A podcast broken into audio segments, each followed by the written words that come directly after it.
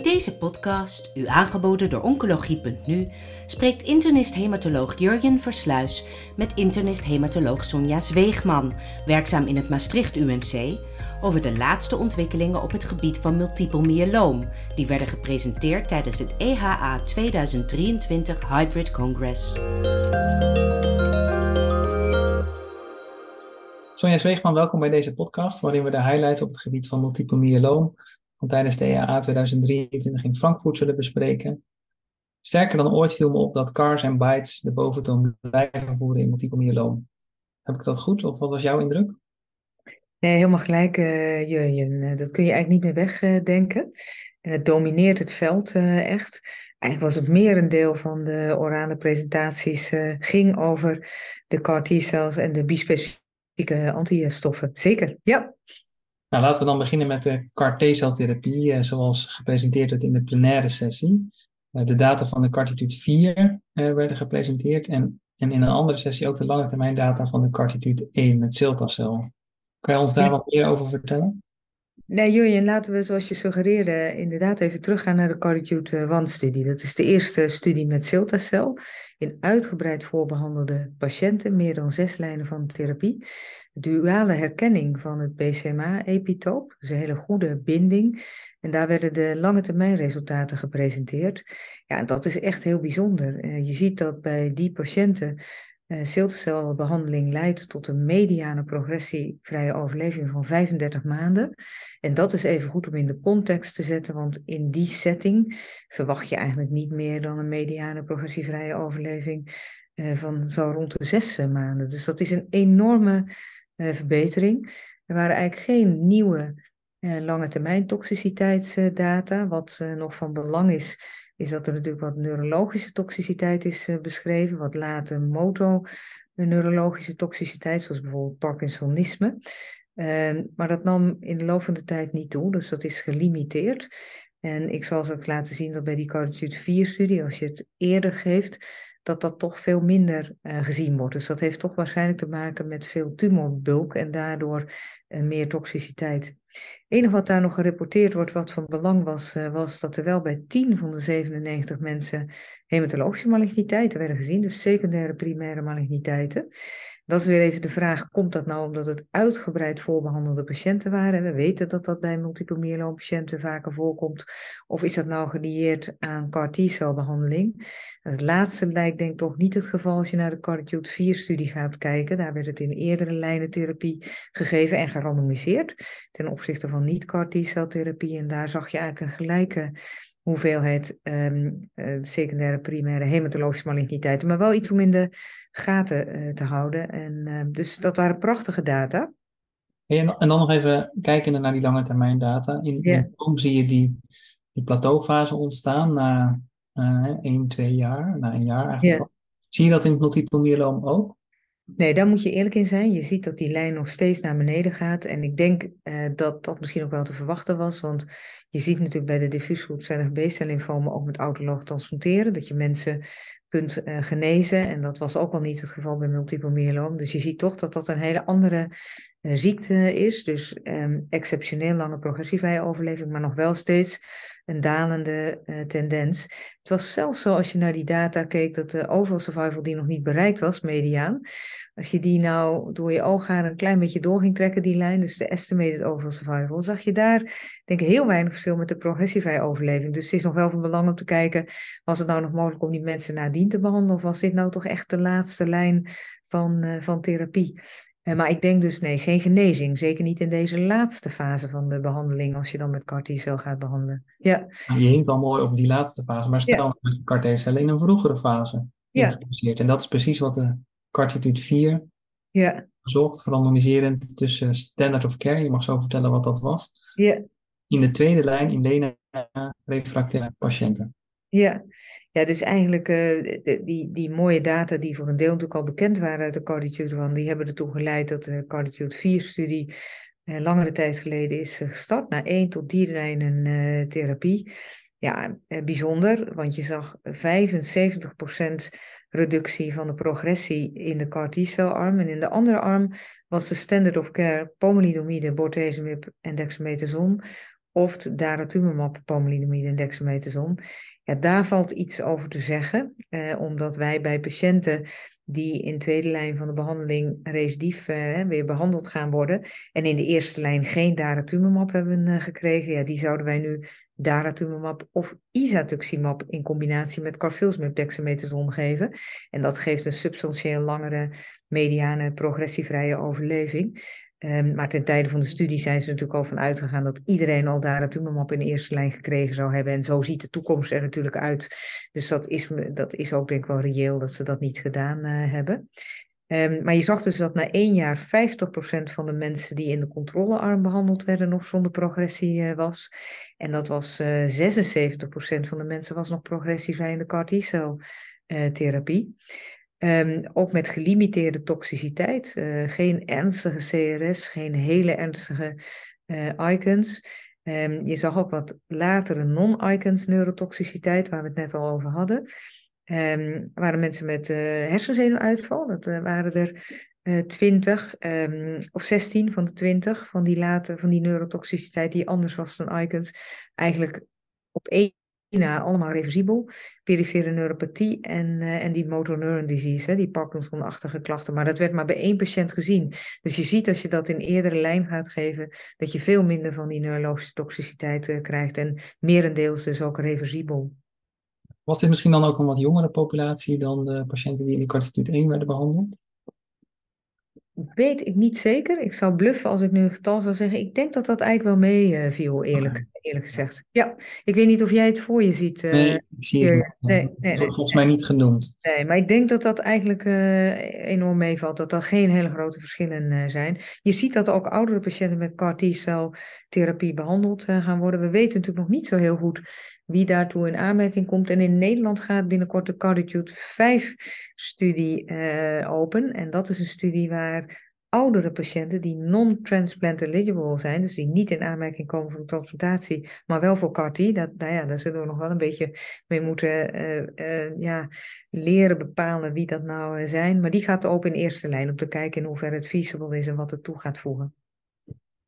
En dan, um, want de resultaten zijn, nou, daarom was het ook niet voor niks gepresenteerd in de plenary, spectaculair. En de conclusie van het abstract was dan ook dat in de tweede lijn CAR T-celtherapie met ciltacel uh, een key therapy zou moeten zijn. Denk je dat we daar al zijn? Of hebben we nog meer data nodig? Nou, ik denk dat die data uh, eigenlijk heel overtuigend zijn. Hè? Als je ziet dat dat zo'n reductie geeft in progressievrije overleving met een hazard ratio ja, van, van 0,24, dan zou je toch mogen zeggen dat dat standard of care zou moeten uh, zijn. Op best een reële tijd van follow-up. Je zag ook dat in die tweede lijn de uitkomsten nog veel beter waren dan in tweede en in derde lijn. Maar dat gold overigens ook voor de standaardarm, want dat is eigenlijk altijd zo. Um, maar zover zijn we nog niet, uh, Jurjen. Het, het, het, is zelfs zo dat CAR T-celbehandeling in latere lijn van de therapie, waar ik over begon, over die CARTITUDE 1, dat dat nog niet uh, beschikbaar uh, is. En de verwachting is dat dat misschien wel tot 2025 zou kunnen duren. Alvorens nou ja, de hele procedure al hier is gelopen en het weer ingediend zal worden door de firma. Dus dat duurt nog lang en dat zal dan wellicht nog wat langer duren voor ja, in deze lijnen van therapie, omdat de kosten natuurlijk uh, navenant zijn. Het zou interessant zijn om ook de kosteneffectiviteitsanalyse uh, af te wachten um, en te zien uh, hoe die uit gaat vallen. Dat zou behulpzaam zijn natuurlijk in het verkrijgen van deze therapie. Ja. Ja, wat ik me dan, dat een beetje ongerelateerd misschien, afvraag is of je vervolgtherapieën net zo effectief zijn als je die na car therapie toepast. En ik denk dat we daar eigenlijk nog helemaal niet zoveel data van hebben. Nee, daar hebben we beperkte data van. Er zijn wel data over bispecifiek naar CAR T-celtherapie. Uh, dat ziet er eigenlijk nagenoeg het gelijk uit dan wanneer patiënten niet met CAR T-celtherapie zijn uh, behandeld. Dat verschilt niet veel, maar met korte follow-up. En daartoe zijn de PFS2 en de overall survival van deze analyse zijn van belang. Nou denk ik dat deze hazard ratio en PFS1 wel zal leiden tot een verschil in PFS2 en ook de overall survival er wel goed uit zal gaan uh, zien. Ja. Er zijn er meer uh, CAR-producten voor uh, multiple myeloom. Um, en in de KARMA-3-studie is Idecel onderzocht. Die resultaten leken wat minder overtuigend dan uh, Siltacel. Ja, dat is natuurlijk altijd uh, moeilijk, uh, Jurjen. Niet het to het uh, vergelijking. Maar dat weet je als methodoloog um, nou, beter dan ieder ander. De verklaring zou kunnen zijn natuurlijk, en ik noemde net al de duale aangrijping van, van de Siltacel op BCMA. Dat geldt voor de IDA-cel. is dat maar één aangrijpingspunt op BCMA. de Karma-studie is recent gepubliceerd in de in de New England. Ook na, dat was na twee tot vier lijnen therapie. Daar zag je een mediane progressievrije overleving van 13 maanden. Ja, dat, dat is de standaardarm in die Carditude 4 eigenlijk. Hè. Daar komt dat ongeveer op, op neer. Dus dat ziet er echt wel minder uit. de hazard ratio ook daar goed, hè, want ja, die was 0,4. De standaardarm had daar maar een PFS van 4,5 maand. Ja. dus ook hier sterk toegevoegde waarde ten opzichte van de standaardarm die daar gebruikt werd. En um, ze stonen nu een hoogrisicoanalyse. En dat is wel interessant, want we worstelen nog steeds met het feit: is het nu zo dat deze therapie de negatieve impact van hoog risico over, overkomt, dat dat het er niet doet? Um, en het lijkt erop, we noemen elke keer extramedullaire ziekte, met name niet paraskerectaal, maar als het echt los is van het bot, dat dat een heel slecht prognostisch teken is. En je zag dat ieder cel in die situatie eigenlijk dezelfde reductie in de progressievrije overleving bereikte. En dat gold ook voor de hoog risico, cytogenetisch hoog risico. Niet als je ging kijken naar de RISS3. Oh. Hè, dan lijkt de CAR T-cel therapie uh, zeker niet beter dan de standard of care. Dus er zijn nog steeds gebieden van unmet niet. Maar je ziet dat die extramedullaire ziekte toch in toenemende mate met deze immuuntherapie beter geattaqueerd kan worden, hoewel het nog steeds niet helemaal teniet gedaan wordt. Je ziet bij EMD nog steeds een slechtere uitkomst. Dan hebben we nog een, een, laatste, denk ik, nieuwe autologe car, genaamd CC9526, heeft volgens mij nog geen werktitel. Ja.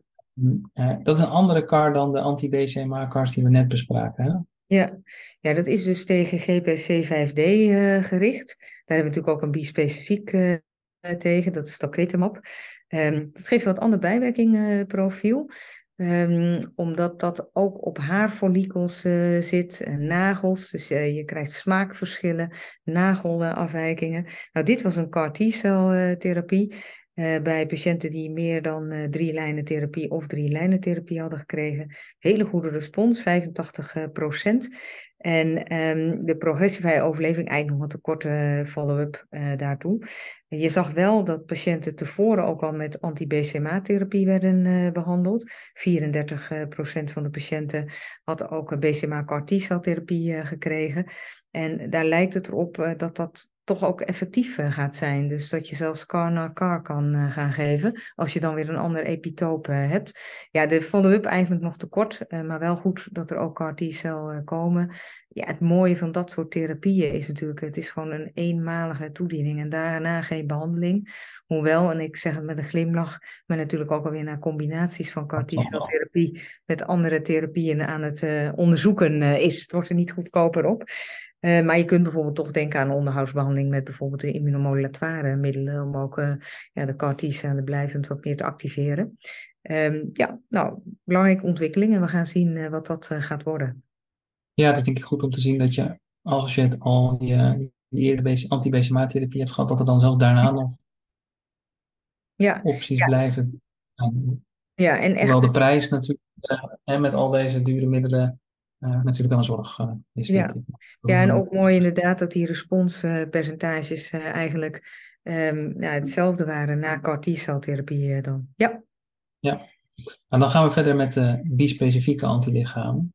en we hebben al in eerdere podcasts regelmatig de gunstige resultaten besproken van BITES in het multiple myeloom. Um, en ik had eigenlijk nog nooit gehoord van het combineren van BITES in één studie. maar die studie is de Redirect één trial waarbij de clistamab gecombineerd is met talketamab. Ja. Kan je, uh, kan die gedachte volgen dat, dat deze twee bites in één, in één studie onderzocht worden? Ja, er is wel een biologische rationale uh, voor. Uh, je ziet eigenlijk in toenemende mate dat er resistentie op gaat treden tegen de bispecifieke antistoffen. Ehm, en dat is in het algemeen door downregulatie van de expressie van bijvoorbeeld BCMA of GPRC5D op de tumorcel. Um, dat komt eigenlijk enerzijds door de leties, gewoon moleculair bepaald. Dat is bij BCMA al aangetoond, diverse malen gerapporteerd. En dat zal ook in toenemende mate op gaan treden, want je ziet bij de langduriger toedieningen van de bispecifieke dat dat ook in toenemende mate optreedt. En er was tijdens deze EAA ook een hele mooie Franse presentatie, waarbij ze bij twee patiënten die met GPC5D bispecifieke antistoffen waren behandeld, ook al zowel genetische silencing van GPRC5D hadden gezien, maar ook epigenetisch. En, dus, en de gedachte is natuurlijk dat als je ze gaat combineren, dat dat in mindere mate optreedt en dat je resistentie overkomt. Dus die idee is er achter de combinatie van twee, twee bispecifieke antistoffen. Um, en um, die studie uh, was zo dat uh, de mensen behandeld waren met uh, vier voorgaande lijnen van therapie. 80% was triple class refractory. En dan zag je dat bijna iedereen respondeerde, 95%. En 80% van de mensen was nog progressievrij na negen maanden. Nou, dan is natuurlijk even de vraag, hoe zat dat nou ook alweer met de, de en de talkretamab alleen? Nou, als je nou talkretamab alleen even kijkt, hè, dan was de responspercentage dan, en bij, dat is bij teclistamab ook zo rond de 70, 75 procent. Dus er komt toch zo'n 20 procent responspercentage bij. En daar zag je bijvoorbeeld met uh, de bispecifieke antistoffen dat dat allemaal mediane progressievrije overleving van zo'n 11 tot 14 maanden gaf. En nu heb je nog 80% progressievrij na 9 maanden. Dus suggestief nog hoor, maar het lijkt er toch op dat er meer respons is en dat die respons ook langer gaat duren met deze combinatie. Ja, het, wordt er, uh, het, het, worden wel um, behandelingen die patiënten ook nog wel ja, moeten kunnen ondergaan. Ze hebben dus ook goed gekeken naar de bijwerkingen. Het was niet zo dat de bijwerkingen 1 plus 1 is 3 was, maar wel toch 1 plus 1 is 2. Want je zag zowel de bijwerkingen van de teclistamab. En wat je bij de teclistamab ziet, is dat je een ja, totale uh, verdwijnen ook van je normale plasmacelpopulatie krijgt en dus een hypogammaglobulinemie. En ook uh, B-cel depletie daarbij ook. En je ziet dus veel infecties bij de behandeling met de klistemap. Echt iets om op te letten. En we zijn nu eigenlijk bijna iedereen op voorhand preventief al aan het behandelen met immunoglobuline. Uh, Niels van der Donk heeft dat ook onderzocht. Uh, dat zal binnenkort wel ergens in de ether verschijnen, maar dat dat ook echt een reductie geeft van, uh, van infecties. Het is echt van belang om te letten op ook profilactische antibiotica. Omdat je ook T-cell exhaustion krijgt, zijn gewoon uitgeputte T-cellen. En zul je dus ook viraal echt de valacyclovir moeten geven en beducht zijn op virale infecties, maar ook op reactivaties, hè, worden nu al gezien. GMP, ja. ja, dus dat is echt, dat is, het is echt wel een therapie die je in je handen moet eh, hebben en waar je vingerspitsengevoel bij moet eh, krijgen. En de talketamab minder infecties, en dat hebben ze ook netjes tijdens deze EAA getoond. Ja, daar heb je geen B-cel depletie, je hebt dus in mindere mate hypogammaglobulinemie en ook minder en neutropenie. Maar goed, wat je daarbij ziet is dat mensen toch verminderde smaak hebben, droge mond, nagelafwijkingen. Dus um, ja, de, de termijn moet ook leren of de winst die je behaalt in onderdrukken van de ziekte, of dat ook een verbeterde kwaliteit van leven geeft. Dat is natuurlijk echt een belangrijk aandachtspunt voor de toekomst. En een ander aandachtspunt is, kun je die therapie nou gedurende een, een vastgestelde tijd geven en niet continu tot aan progressie? Of moet je de tijd tussen de toedieningen verlengen, eh, zodat, eh, zodat er ook minder bijwerkingen zijn en ook wat minder financiële toxiciteit? Dat zou ook toch heel goed zijn vanuit een maatschappelijk oogpunt. Dat was in deze studie gewoon een continue toediening van beide. Ja. Ja, tot aan, tot aan progressie, ja. Beiderzijds. Ja, eh, beide, ik zei beide, beide middelen, sorry. Ja, die worden beiderzijds toegediend. Ja. ja. Ja, nou, interessante data en uh, ja, de tijd zal leren, denk ik, hoe we daar uh, mee om zullen gaan. Ja. Nou was het combineren van uh, die specifieke antilichamen met anti-CD38 therapie natuurlijk wel al eerder gedaan in de TRIM-2-studie. Die hebben we wel eens ja. vaak besproken. En ja. daar hebben we nu weer geüpdate resultaten van getoond. dus talketamab die je net al besprak met met name uh, met andere toxiciteit, met name de smaaktoxiciteit. En dan daratumumab, die misschien wel weer wat meer infectieuze ja. toxiciteit gaf. Was dat ook zo? Nou, weet je, hier is ook alweer een hele mooie rationale, een, een andere eigenlijk dan uh, resistentiemechanisme. Hier gaat het meer om het immunomodulatoire effect van daratumumab, waarbij je dus een verlaging krijgt van je regulatoire T-cellen. En, en misschien toch heel kort voor de biologisch geïnteresseerden. Uh, wij hebben op ons laboratorium en uh, naar onder leiding van Niels is er ook heel mooi gevonden dat als je samples neemt van patiënten die daratumumab refractair waren en je ging dan je bispecifieke antistof in vitro onderzoeken, dan bleek dat effectiever te zijn. Toen dachten ja, hoe kan dat nou eigenlijk? En toen bleek dus ook dat er veel minder regulatoire T-cellen waren en dus meer cytotoxische T-cellen. En dat je dus eigenlijk dan wel een 1 plus 1 is 3 uh, gaat krijgen. En ja, dat was hier ook uh, te zien. Want zelfs in de daratumumab refractaire patiënten, daar waren er heel veel van in deze studie, namelijk 80 procent zag je 80% respons en bij de DARA-naïeve 100% respons. Ja, dat is weer hoger dan die 70% met talketamab alleen. En dus ook hier zie je dat het zag, dit vertaalt in, in een betere overall respons. En ook hier was de progressievrije overleving uh, was langer. Die was 19 maanden. Bij talketamab alleen lag dat toch zo rond de 11 maanden. Dus ook hier lijkt het dat je additieve waarde gaat krijgen van de, van de combinatie.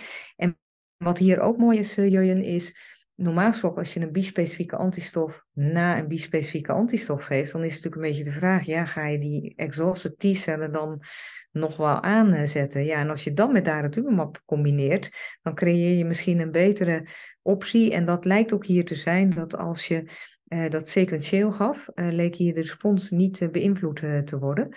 En dat was bij de tech en de talcombinatie nog wel zo. Dus nou ja, hier is misschien ook wel weer een goede rationale voor.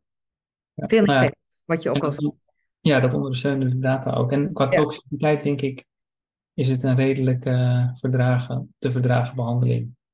Ja, ja wel, wel ook ja, neutropenie en, uh, en ook infecties. Dat is toch echt iets om op te, op te letten hoor. Dat, uh, en zeker dat is bij de teclistamab plus dara nog wat meer uitgesproken dan bij de talpetamab plus dara. Ja.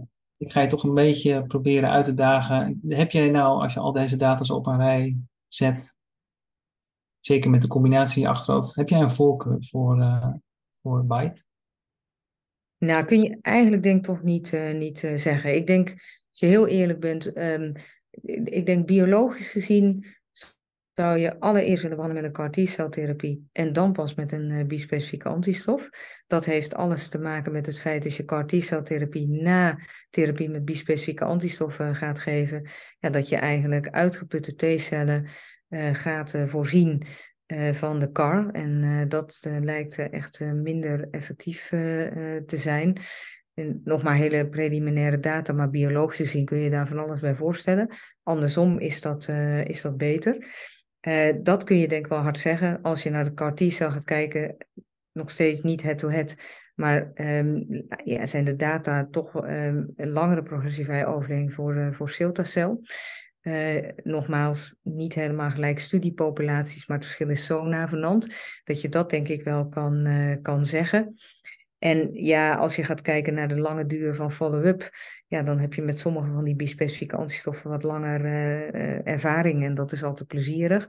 Nou is het zo dat er ook bispecifieke antistoffen zijn gegeven, Sevostemab bijvoorbeeld gedurende jaren dan gestopt. Ja, ik vind dat dat is wel weer heel interessant, dat dat netjes is uh, gedaan. Ik denk dat die studies echt gedaan moeten worden en dat zou ook goed zijn om die in hoofdverband uh, te doen.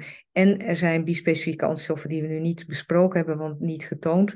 Maar die hebben een mindere affiniteit voor CD3. En dat zou ons ook minder toxiciteit kunnen uh, geven. En dat zou dan misschien bij de ouderen ook weer wat uh, interessanter kunnen zijn. Dus daar kun je dan ook je keuze weer in maken. En vind je dat als je nu de, data gecombineerd met daratumumab ziet, wat toch echt een duidelijke toegevoegde waarde lijkt, um, dat dat eigenlijk de voorkeur moet hebben om een, een, byte altijd te combineren met een, uh, met een ander middel? Ja, zou ik nu eigenlijk uh, uh, niet doen. in die zin dat dit nog niet gerandomiseerd was en nog korte follow-up. Maar er gaan natuurlijk in nieuw gediagnosticeerde patiënten gaan nu de Majestic 7-studie lopen, ook in Nederland, waarbij straks uh, daratumumab, lenalidomide, dexamethason, de standaard eerste lijns behandeling, vergeleken gaat worden met teclistamab, daratumumab, lenalidomide, dexamethason. dus dat is al in eerste lijn. Verder is het natuurlijk zo dat in tweede lijn de meeste mensen al daratumumab voorbehandeld zijn. Nogmaals, biologisch gezien lijkt het dan zin te hebben. Je verhoogt waarschijnlijk het overal om dan te combineren in tweede lijn met de bispecifieke. Maar of dat echt beter gaat zijn dan monotherapie, dat vraagt echt een goede gerandomiseerde uh, studie, eerlijk gezegd. Ja. Goed, nou dan hebben we denk ik de, de bites wel goed besproken. Um, dan was er nog een andere anti-BCMA-middel, ook wel eens vaker besproken, die in de DREAM-studies wordt onderzocht. Uh, Belantamab mafodotin, um, als ik het goed uitspreek. Ja. En dat was een, een negatieve studie vergeleken met Pomdex. Had je Ja. dat verwacht? Ja, Jeun, ik, of je dat verwacht had, dat weet ik niet helemaal. Wat, wat goed is aan deze studie is dat er in ieder geval niet drie middelen versus twee middelen is vergeleken, want dan weet je vaak de uitkomst eh, al. Eh Belantamab in Nederland relatief weinig ervaring mee. Er zijn zeker een aantal centra die er ervaring mee hebben. Ehm, vrij veel bijwerkingen, met name keratopathie, eh visusstoornissen. Eh, als je een eh, respons hebt, is de mediane duur van de respons vaak iets van acht maanden. Dat was bij uitbehandelde eh, patiënten hè, met ongeveer eh, 30%, 25, 30% kans op, op respons. Ehm, in deze studie patiënten die drie lijnen of meer voorgaande therapie hadden gekregen versus pomalidomide, dexamethason. Ja, en dan eh, zie je dat er dus eh, geen verbetering is van de progressievrije overleving. En in uitbehandelde patiënten is de PFS maar 2,8 maanden. Dus ja, dit is een eh, middel lastig in de klinische praktijk gezien de bijwerkingen. En vooralsnog ehm, beperkte toegevoegde waarde. En deze, in deze gerandomiseerde fase 3-studie niet beter dan pomalidomide dexamethason. En dat is natuurlijk een heel makkelijk te geven middel. Totaal oraal kunnen wij in Nederland natuurlijk heel vaak nog combineren met cyclophosphamide. Ja. Ehm, dus ehm, ja, niet iets wat eh, onze dagelijkse praktijk gaat veranderen. Nee, je verwacht ook niet dat dat nog in een andere setting terug gaat komen. Eh, nee, er zijn nog wat studies eh, gaande. Daar zullen we op, op wachten. Maar vooralsnog in deze setting niet. Oké. Nou, dan sluiten we af deze podcast met de, de newly diagnosed patiënten. Eh, een veld, een patiëntgroep die denk ik wat minder onder het voetlicht komt eh, in, de, in de laatste congressen. Omdat de CARS en de BITES nog niet daar zijn. Ehm, en de, de, de data van de master trial werden getoond. Wat op mij overkomt als een zeer intens- intensief schema voor eh, de patiënt. Eh, maar ik ben benieuwd wat jij daarvan denkt. Ja, het is een, een studie die verrijkt is met patiënten die heel hoog risico waren. Dat, zo is de studie ook opgezet, dat wilden ze. En eh, ze hadden ehm, bijna 40% van de patiënten had een hoger risico cytogenetisch profiel. Dus dat wil eh, zeggen één cytogenetische afwijking. Eh, en 20%, want dat zie je nu ook, hè, je hebt in de non-Hodgkin lymfoom de double hit patiënten, maar dat zien we hier nu ook, dat noemen we in de multiple myeloom ultra high risk. Die hadden dus twee of meer cytogenetische afwijkingen, waarbij de amplificatie van 1Q ook meegenomen eh, wordt. En dat zijn patiënten, dat zien we nu in toenemende mate, met een zeer slechte prognose. Echt, ehm, ja, echt eh, zoals in goed Nederlands, een high unmet need voor betere eh, behandeling. Nou, deze studie ehm, die bestond uit vier inductiekuren met daratumumab, carfilzomib, lenalidomide, dexamethason. Ja, carfilzomib toch met het idee dat dat een betere ehm, respons eh, genereert dan eh, de combinatie met eh bortezomib. Indirect is daar wel eh, bewijs voor, hoewel er ook wel head-to-head studies zijn van K versus D die geen verschil laat zien, zeker niet in eerste lijn. Gevolgd door een autologe stamceltransplantatie. Dan werd er nog een keer vier cycli eh DARA KRD gegeven en dan nog een keer en dan lenalidomide onderhoud. Het mooie aan deze studie was dat ze eh MRD-metingen deden en dat deden ze na inductie, na de autologe stamceltransplantatie, na de eerste consolidatie en na de tweede consolidatie. En op het moment dat je twee keer MRD negatief was, dan mocht je die therapie ook stoppen. Er werd niet gerandomiseerd, maar dan werd er gestopt. En ik denk dat het belangrijkste van deze studie is dat als je de curves van de patiënten die MRD negatief waren en MRD positief waren projecteerde, dan projecteren die over elkaar. En dat wil dus eigenlijk indirect zeggen dat je inderdaad, als je twee keer MRD negatief bent, dat je dan kunt stoppen. En dat is denk ik wel mooi, dat we toch een beetje richting MRD-gebaseerde therapie gaan. Er loopt nu de MIDAS-trial in Frankrijk, waarbij ze echt randomiseren, MRD-negatief stoppen versus doorgaan, MRD-positief uh, de therapie uitbreiden. Dat is ook bij hoog risicopatiënten. Daar wordt nog een keer uitgezocht of je dan toch niet bij die hoog risico MRD positief, dus functioneel hoog risico, of je twee autologe stamceltransplantaties moet geven. Dus dat gaan we dan gelukkig toch weer een keer leren.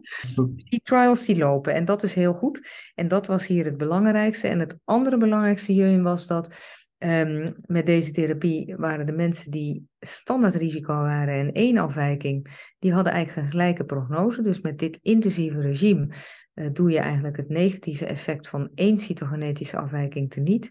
Maar de mensen met twee cytogenetische afwijkingen, die uh, vertoonden nog steeds in hoge mate progressie. Dus bij één was dat minder dan 10%, bij twee was dat 47%. Dus um, die, hoge, die ultra hoog risicopatiënten, dat is echt een groep patiënten waar we iets anders voor moeten gaan verzinnen dan dit. Ja, uh, en zelfs een intensief schema, MRD gestuurd, geeft daar dus niet het extra zetje wat je zou hopen. Nee, dat is zo. En dat is, uh, daar loopt in Engeland ook een trial. Daar bleek dat ook nog steeds uit uh, te komen. De Italiaanse trial met carfilzomib. Ja, dit zijn de patiënten waar men natuurlijk nu toch gaat kijken. Uh, nou, moet je deze patiënten niet eerder um, CAR T-celtherapie gaan, gaan geven in combinatie met de bispecifieke. Die trials die gaan lopen, ook overigens bij standaard risico, waarbij je probeert gelimiteerd te behandelen en dan stoppen. Dus echt cure en dan stoppen. En bij hoog risico um, verbetering van de prognose en niet stoppen, maar nog intensiever dan dit al is. Ja. ja. En uh, weet je of dat soort studies ook naar Nederland zullen komen? Uh, kunnen onze patiënten daar ook eventueel ja. aanmerking komen? Zeer zeker. Uh, er gaat één studie gewoon voor onkomers uh, lopen, waarbij een autologe stamceltransplantatie wordt vergeleken met CAR-T, dus in eerste lijn. Dat is de EMN 26 trial, daar gaat uh, Hovon ook aan uh, meedoen. Dat, dat is, is, voor die ultra-high-risk patiënten? nee, dat is voor die. Okay. Dan voor de, voor, de, um, voor de standaard risicopatiënten, of je met heel intensief, kort en krachtig en dan kunt stoppen, iets kunt bereiken waarbij er een combinatie komt van CAR-T-cel met bispecifiek.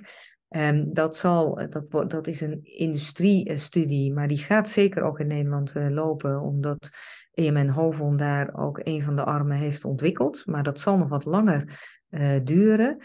Die ultra-hoog risico uh, studies die laten nog even op zich wachten, maar zijn wel in ontwikkeling. En daar hopen we dan zeker ook aan mee te doen. Degene die er nu loopt is in Frankrijk. Daar doen wij niet aan, aan mee. Dat is die MIDAS trial. Oké. Nou, toch weer genoeg voor de toekomst ook.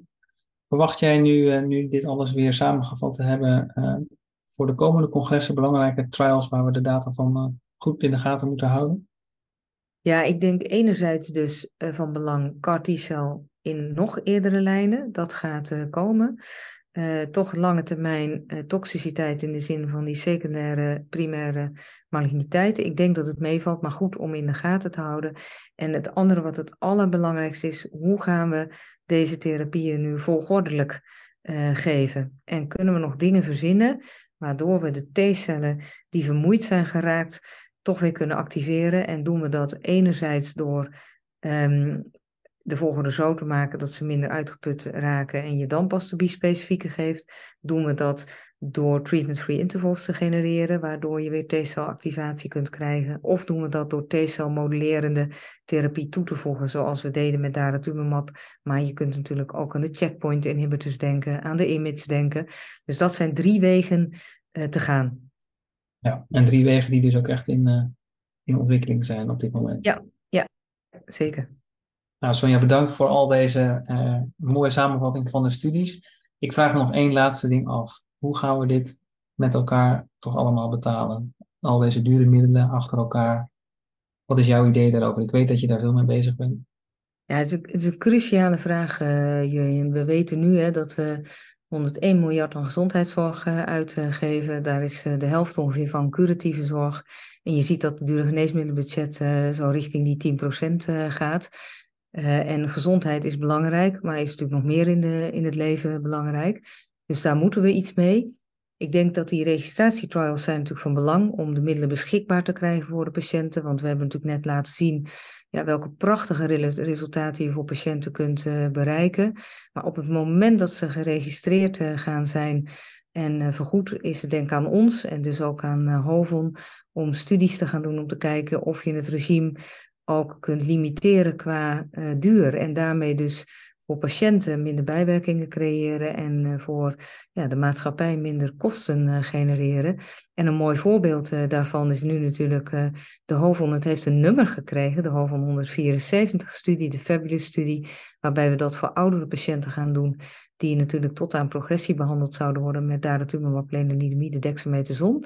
En waarbij we nu gaan kijken na 12 maanden of we kunnen stoppen en weer hervatten bij biochemisch uh, recidief en uh, dat we daar event-free survival als een eindpunt nemen, waarbij we niet alleen progressie en dood meenemen als eindpunten, maar ook uh, toxiciteit in die mate dat je, kunt, dat je moet staken. En dat geeft natuurlijk aan hoe belangrijk die toxiciteit dan is. En dat is niet alleen maar graad 3, 4, maar ook graad 1, 2 die langer bestaat. Dat is voor oudere patiënten en overigens ook voor jonge patiënten van uh, belang.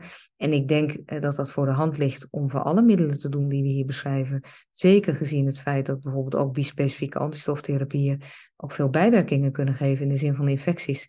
Dus er ligt een schone taak uh, voor HOVON, daar zijn we mee bezig. En ik, ik merk ook bij de Milan werkgroepvergaderingen dat daar ongelooflijk veel enthousiasme voor is. Dus daar zullen we onze schouders onder zetten.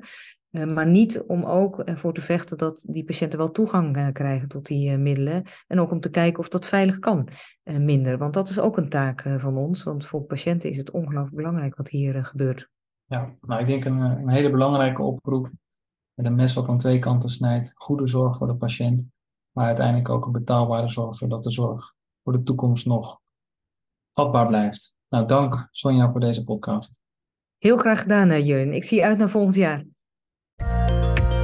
Bent u geïnteresseerd in meer podcasts? Deze zijn te vinden op de website www.oncologie.nu. Heeft u zelf een onderwerp of onderzoek dat besproken kan worden in een podcast? Mail het naar info@uitgeverij-jaap.nl.